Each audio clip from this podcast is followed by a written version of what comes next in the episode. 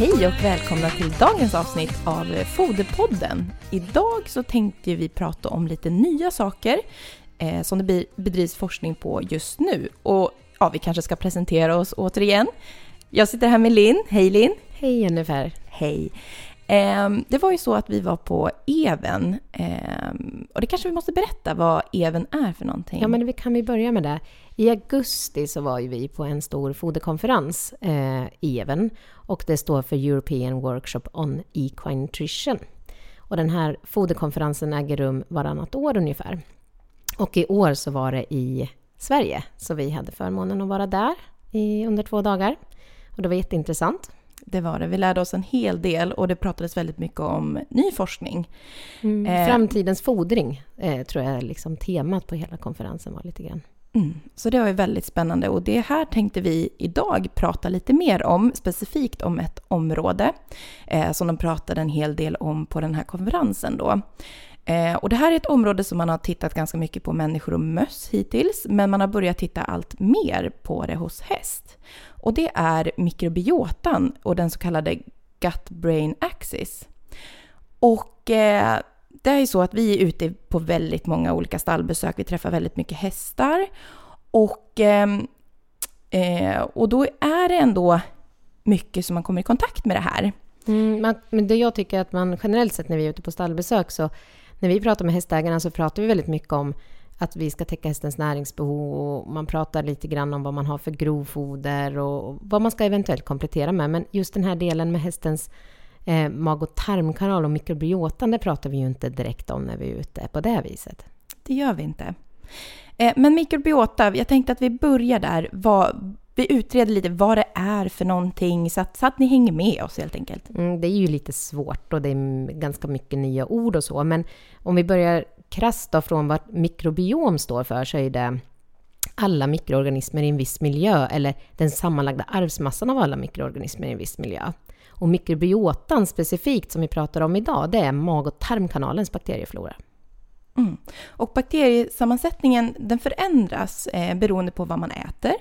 Och det har man ju studerat ganska mycket då på människor och möss. Eh, och det är även ett, ett område som sagt då som man tittar mer och mer på hos hästar. Ehm, och eh, det finns ju en del studier och det kommer vi gå in på längre fram. Mm. Men eh, man vet ju heller inte riktigt hur en optimal tarmflora ser ut och hur den påverkas av olika typer av utfodring. Nej, men eftersom man, man inte har kommit så långt i forskningen så är det ju svårt att säga att så här ska, en, så här ska tarmfloran se ut. Men det man vet är att beroende på hur man fodrar så ändrar sig tarmfloran. Och bland annat så har man ju sett skillnader över säsong, att hästarna har en viss typ av sammansättning på sina mikroorganismer i grovtarmen eh, när de går på bete och när de sen stallas in så får de en annan sammansättning på eh, mikroorganismerna i grovtarmen. Sen har man ju också sett en skillnad på de som har metaboliska sjukdomar. Mm.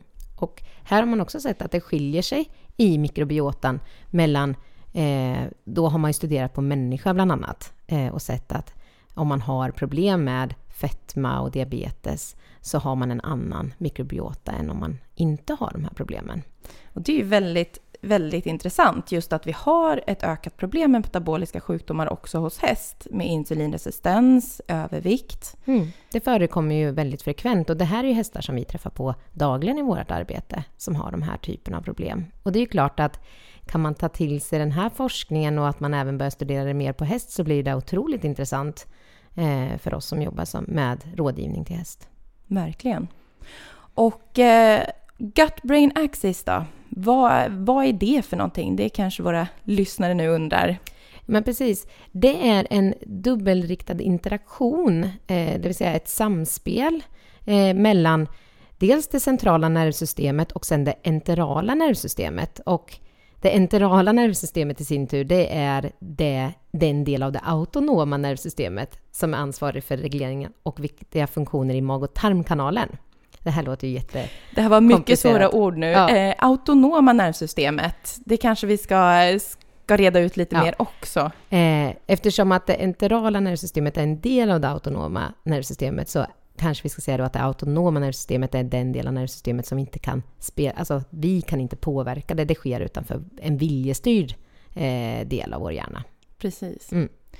Och eh, interaktionen, precis som du förklarar, är ju en dubbelriktad och det sker genom signaler från magen till hjärnan och från hjärnan till magen med hjälp av nerver och sen andra länkar som till exempel kan vara hormoner eller via immunförsvaret och sådana saker.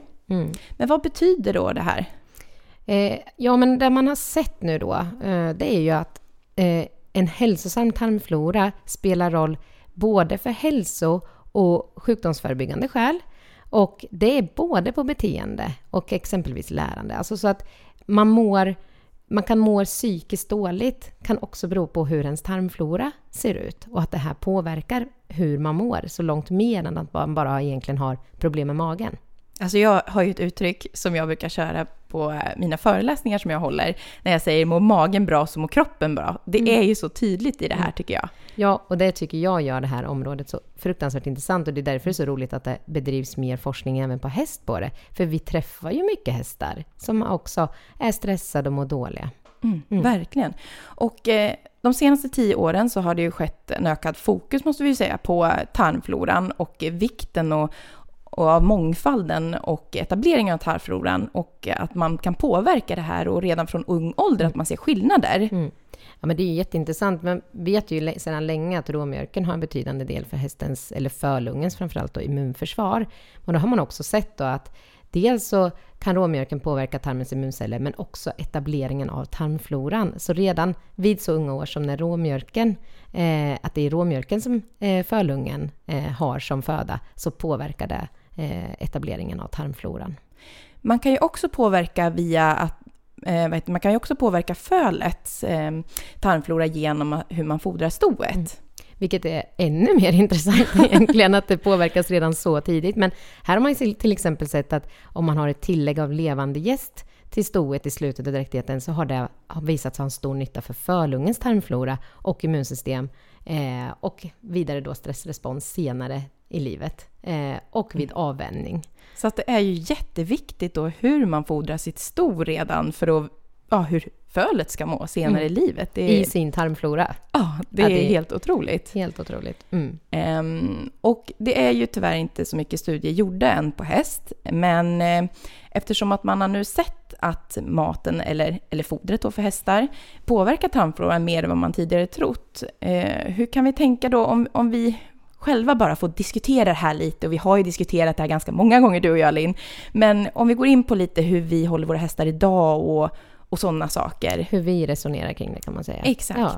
Ja. Eh, för det vi pratar en hel del om, vi är ute, vi har ju nämnt det många gånger, men vi är ute på stallbesök och träffar många hästar och hästägare. Eh, många hästar som eh, kanske går på ett grovfoder som innehåller tre, fyra olika grässorter som eh, är en vall man har sått in. Man skördar den här, eller slår den här vallen och sen ska hästen äta det under kanske så långt som 6, 7, 8 månader beroende på hur lång eh, installningsperioden är. Vart Sverige Och det finns ju faktiskt de som, som tar från samma vall, från samma producent år ut och år in. Och det är ju ofta samma sammansättning då.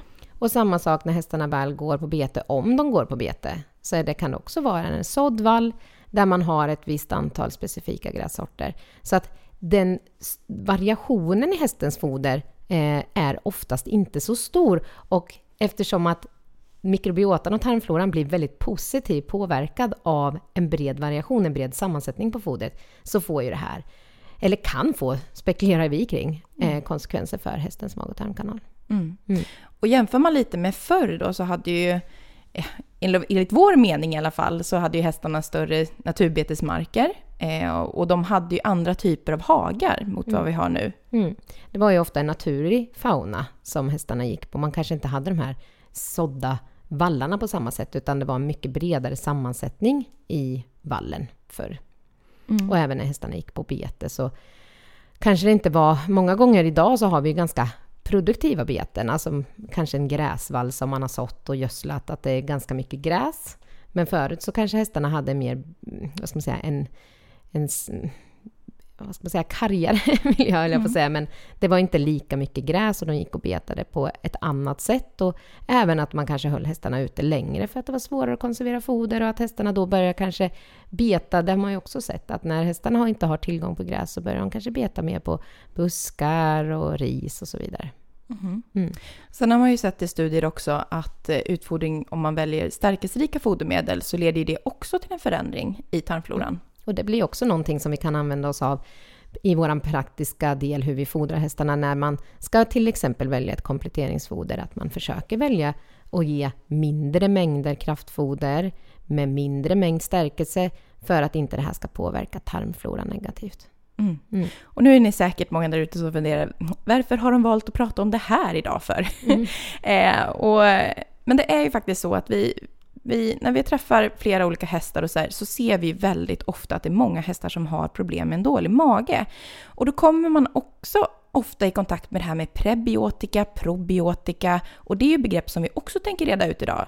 Mm. Ja, för det är ju alltid så att har vi hästar som har dålig mage så vill vi ju göra insatser för att hästarna ska få bättre mage. Och det tycker jag många hästägare gör idag. Att man, man försöker verkligen hitta sätt att få hästen att bli stabil i sin mage. Och som du sa, många hästar är instabila i sin mage.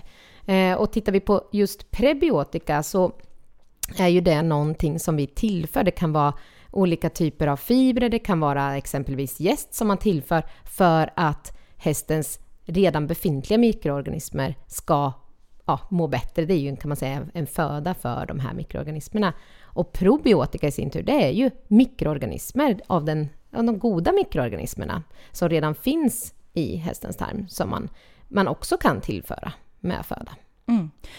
Och man kan ju också öka variationen i fodret, vilket vi har sett flertal tillfällen, att det ger en stor effekt. Mm. Men det här är ju en sån här sak som vi eh, har märkt av praktiskt när vi är ute och träffar hästar med dålig mage. Och vi har, man kanske har provat prebiotika, man har provat probiotika innan man tar kontakt med oss och man upplever att ingenting fungerar. Och då har ju vi satt till i hästens redan befintliga foderstat har vi satt till exempelvis då en höpellet som har en väldigt bred sammansättning med många olika grässorter och örter som vi gör som ett komplement, egentligen inte så mycket för att tillföra näring till hästen, utan för att vi tillför en större och bredare variation i hästens eh, dagliga foderstat. Och det kan vara ganska lite som vi tillför. Eh, jag brukar rekommendera något kilo höpellets till exempel som man kan tillföra. Och hästar som tidigare inte har blivit bra har blivit bra i magen just när vi har tillfört det här. Och det är ytterligare en sak som gör att jag tycker det här är så otroligt intressant eh, att det forskas på nu. För det här är ju ingenting som vi har haft någon vetenskapliga belägg för tidigare, men vi märker den stora skillnaden hos hästarna med dålig mage. Mm. Eh, det är ju väldigt spännande och sammanfattningsvis av vad vi har gått igenom idag, det är ju det att tarmfloran eller mikrobiotan spelar en väldigt stor roll för hästens välbefinnande och välmående, vad vi har sett, vad som syns i, i forskningsstudier hittills i alla fall och vad vi praktiskt har sett också ute i stallarna. Och eh, fodringen handlar ju faktiskt om så mycket mer än bara täcka hästens näringsbehov och det är viktigt att tänka på det. Mm. Ja, för det är ju ofta det som vi får frågor kring. Det är ju att eh, eh, hur ska jag täcka min hästs näringsbehov? Och man pratar inte riktigt om att fodret kan ha andra funktioner. Eh, som till exempel då mikrobiotan, tarmfloran, välmåendet. Så att det här är ju ett ämne som jag hoppas att det kommer fortsätta att göras mycket studier kring och jag, jag tycker det är så otroligt intressant. Ja, och just att man tänker på det att fodring är inte bara, eller utfodring är inte bara svart eller vitt, Nej. utan det finns så mycket mitt, mittemellan Mm. som man kan få väldigt bra nytta av. Mm. Jag- Och eh, Ja, jag kan tänka mig att det kanske uppstår frågor kring det här. Eh, det kan jag också tänka mig. Det är ett komplicerat område och eftersom att det är väldigt ny, ny forskning ändå, så, eh, så ja, det är klart att det kommer frågor om det. Ja. Och är det så att man vill höra av sig till oss och ställa frågor utifrån det, om man inte är någonting som känns lite oklart, eller det kanske dyker upp andra frågor, man kan höra av sig med vilka frågor som helst. Då kan man höra av sig på antingen då info snabelahippolyt.se eller så kan man ringa oss på 0413 486 100. Toppen! Men då får vi tacka så mycket för att ni har lyssnat på oss idag. Ja, Och det var det så bra. Tack, Tack så så mycket. mycket. Hej då! Hej.